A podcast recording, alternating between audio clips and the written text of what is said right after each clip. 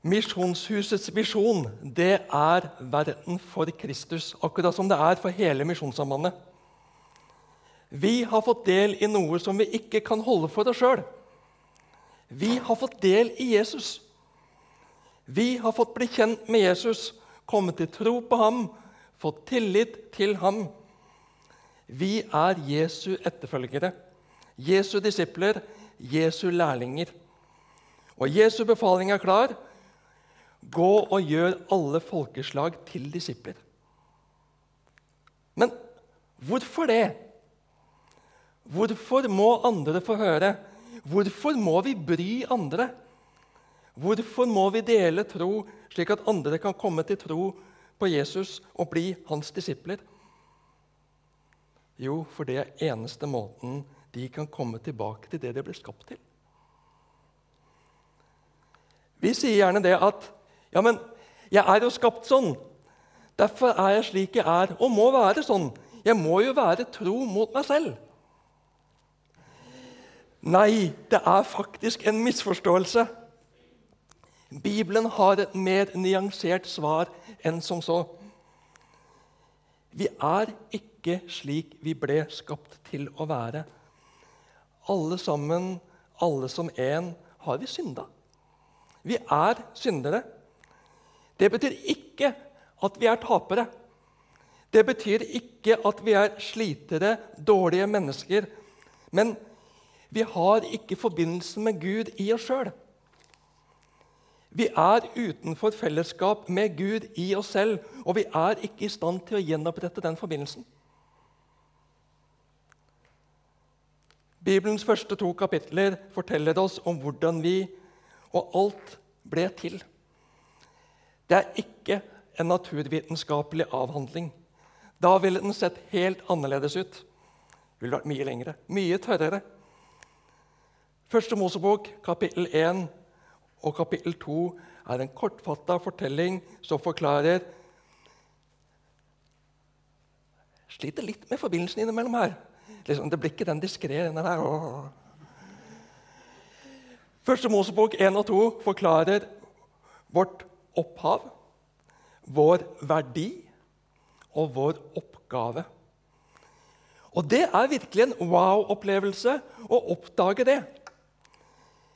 Selv om forkortelsen ikke er wow, men OVO. Jeg bare hører eh, datteras kommentar nå. 'Å, pappavits'. Opphav, verdi, oppgave. For det første, her hører vi om vårt opphav, vår opprinnelse, hvorfor vi er til, hvem som ga oss livet. Her hører vi vår verdi. En naturvitenskapelig avhandling kan ikke gi oss noen verdi.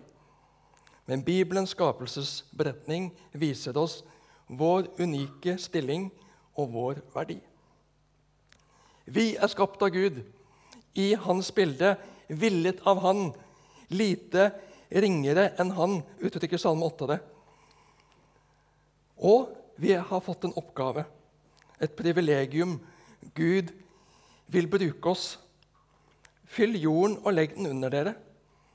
Vi skal gifte oss og få barn så blir det mer nyansert etter hvert. For det står også det i Bibelen at det er ikke slik at alle nødvendigvis skal gifte seg eller få barn. Det kan faktisk være en fordel å være singel. Da har man en mye større frihet til å tjene Gud på andre måter. Men uavhengig av stilling og stand så er vi forvaltere. Forvaltere av Guds skaperverk. Miljøvern blir da et viktig bibelsk anliggende. Så langt er det bare fryd og gammen. Men i første Mosebok kapittel 3 skjer det fortale, fatale. Der forklares det som skjer, så vi ikke bare kan si 'Jeg er jo skapt sånn'. Det har allerede vært et opprør i åndeverdenen, og Adam og Eva, de første menneskene, velger å låne øret til Satan og følge hans fristelse. Framfor å stole på Gud og følge Guds enkle livsveiledning. Vi var skapt uten kunnskap om godt og ondt. Altså, vi var bare i det gode. Og det var helt selvsagt for oss. inntil vi ikke slo oss til ro med å være skapt i Guds bilde og være litt lavere enn ham og være Guds ypperste skapning, slik som vi leser i Salme 8. Guds ypperste skapning som skulle forvalte det hele. Men vi ville selv, vi slo oss ikke til ro med det, var ikke tilfreds med det, ville selv være som Gud. Og da skjedde det fatale.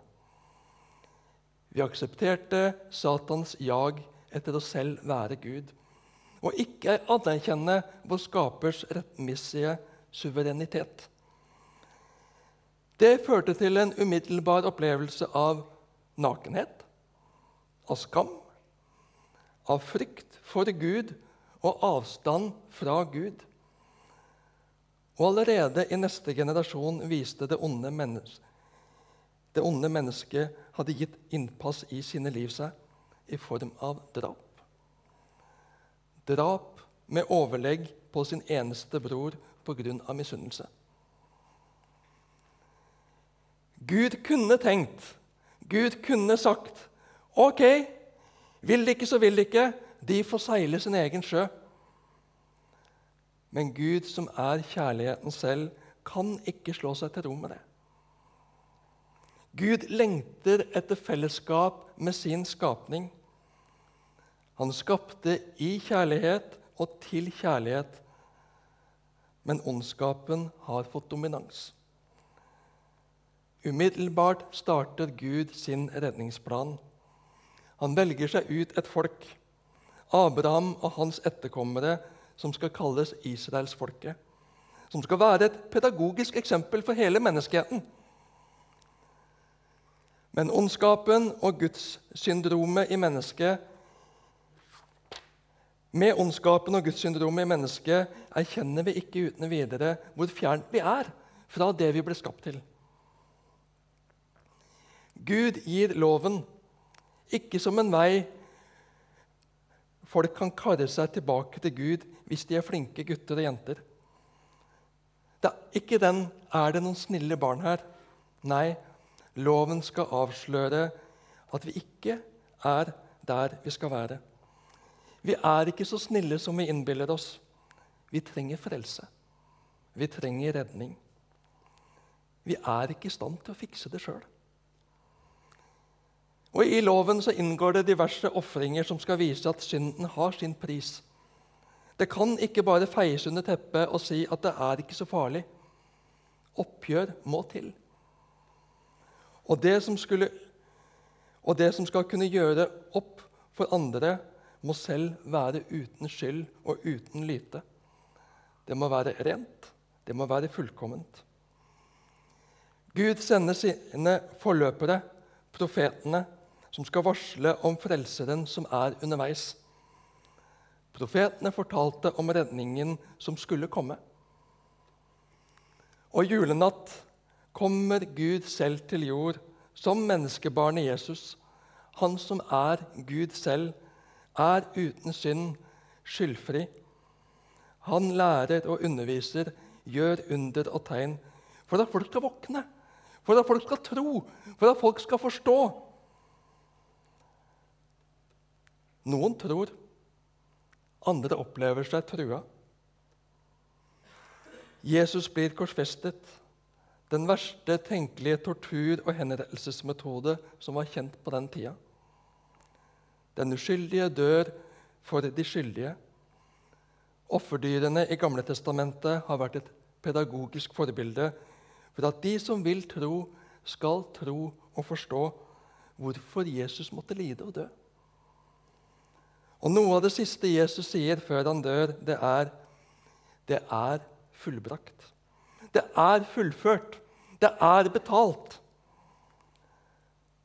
Men det stopper ikke der med Jesu død. Og jeg tror mange av dere har hørt fortsettelsen. På den tredje dag, påskedag, søndag, står Jesus opp fra de døde. Han beseirer døden, Døden kan ikke holde på den uskyldige. Døden kan ikke holde på Gud. Døden kan ikke holde på Guds sønn. Jesus får 40 dager på å brife de forvirrede disiplene, lærlingene før han farer opp til himmelen. Mission completed. Nå er det deres, lærlingenes mission, oppdrag, misjon. Gå og gjør alle folkeslag til disipler.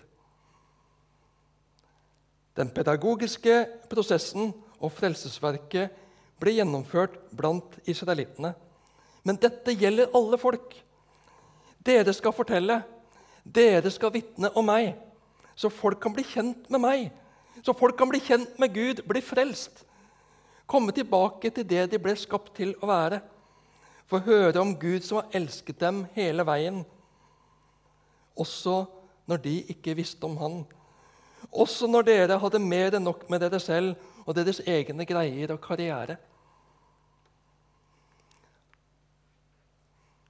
Og der er vi i dag. Vi er forlengelsen av det oppdraget. De gode nyhetene om Guds kjærlighet, gjenforening med Gud gjennom Jesu lidelse, død og oppstandelse for oss, har nådd Norge, har nådd Kristiansand. Derfor eksisterer Misjonshuset. Derfor har vi møter og gudstjenester, smågrupper og ulike fellesskap for ulike aldre, ulike livssituasjoner for at folk skal få se, skal få tro, skal forstå og bli Jesu disipler, Jesu etterfølgere, Jesu lærlinger. Misjonshuset er og skal være en matstasjon og en plass som mennesker utfordres og utrustes. Utfordres til, tro, til tro og liv og etterfølgelse av Jesus og utrustes nettopp til det.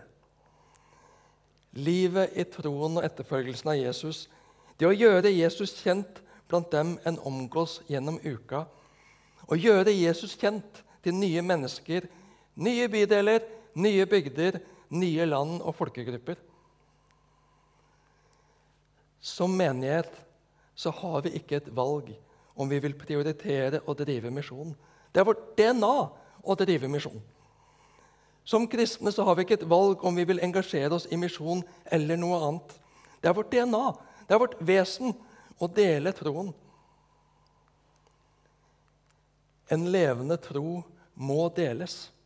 Hvis ikke vil den være utrydningstruet. En tro som jeg holder for meg selv, blir lett en svak tro. En utsatt tro. En tro som får mindre og mindre plass i livet til den til slutt er en teori som har ingen praktisk betydning. Det er ikke liv lenger, bare et minne.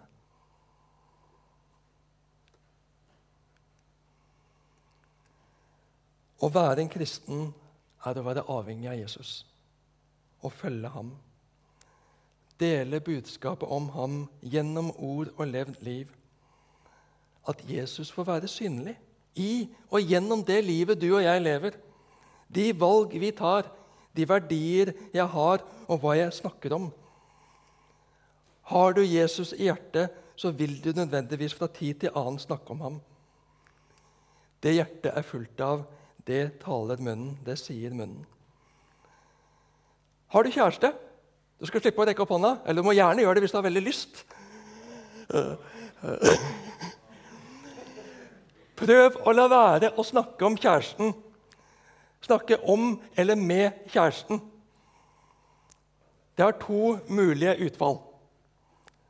Én forholdet ebber ut og tar slutt. Eller to du blir mer og mer sprekkeferdig. Du må bare snakke om med ham eller henne, for hjertet bobler, bobler over. Jeg vil utfordre deg til å bli med i en smågruppe. Bli med i en bibelgruppe, cellegruppe, kall det hva du vil. Et småfellesskap hvor dere deler liv og tro. Smågruppa er et sted hvor vi er ærlige med det som er både godt og det som er vondt, og som er utfordrende i troa og i livet.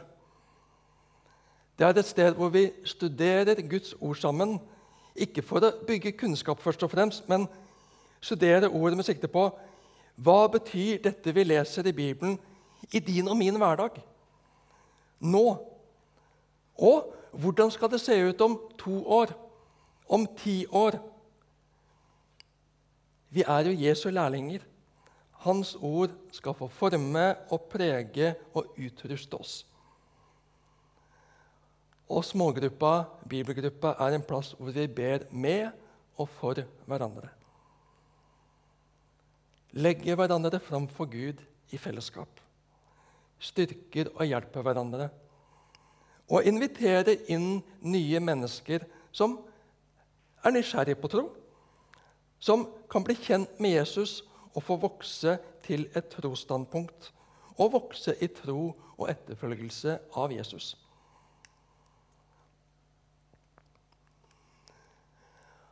Og så er jeg nysgjerrig på om det er noen som brenner.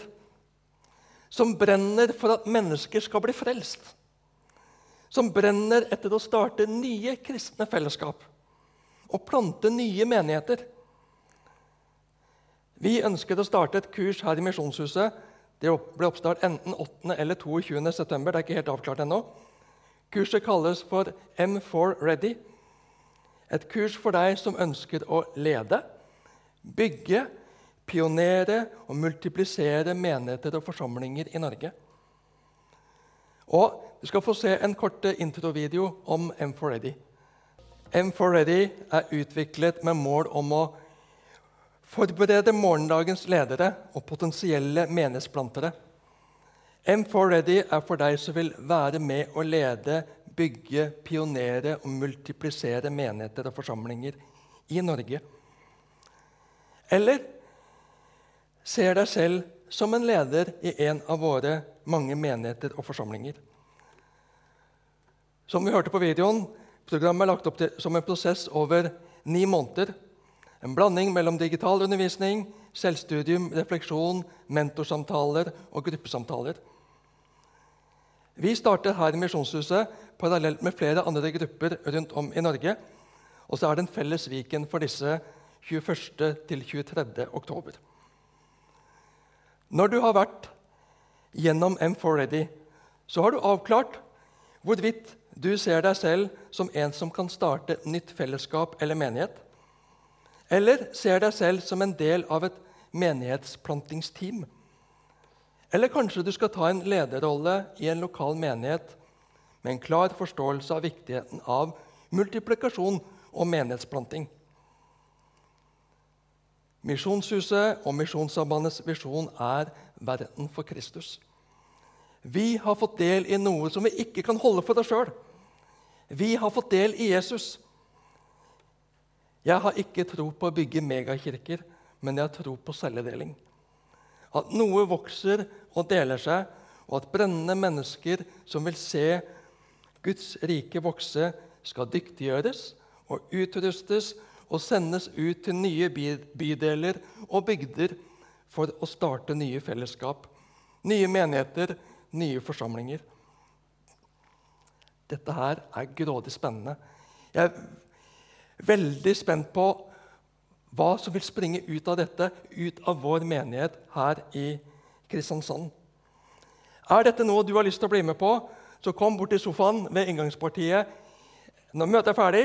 Forsyn deg med kaffe og det som måtte være til, og så møtes vi der borte for en prat nærmere om M4Ready og menighetsplanting, lederskap.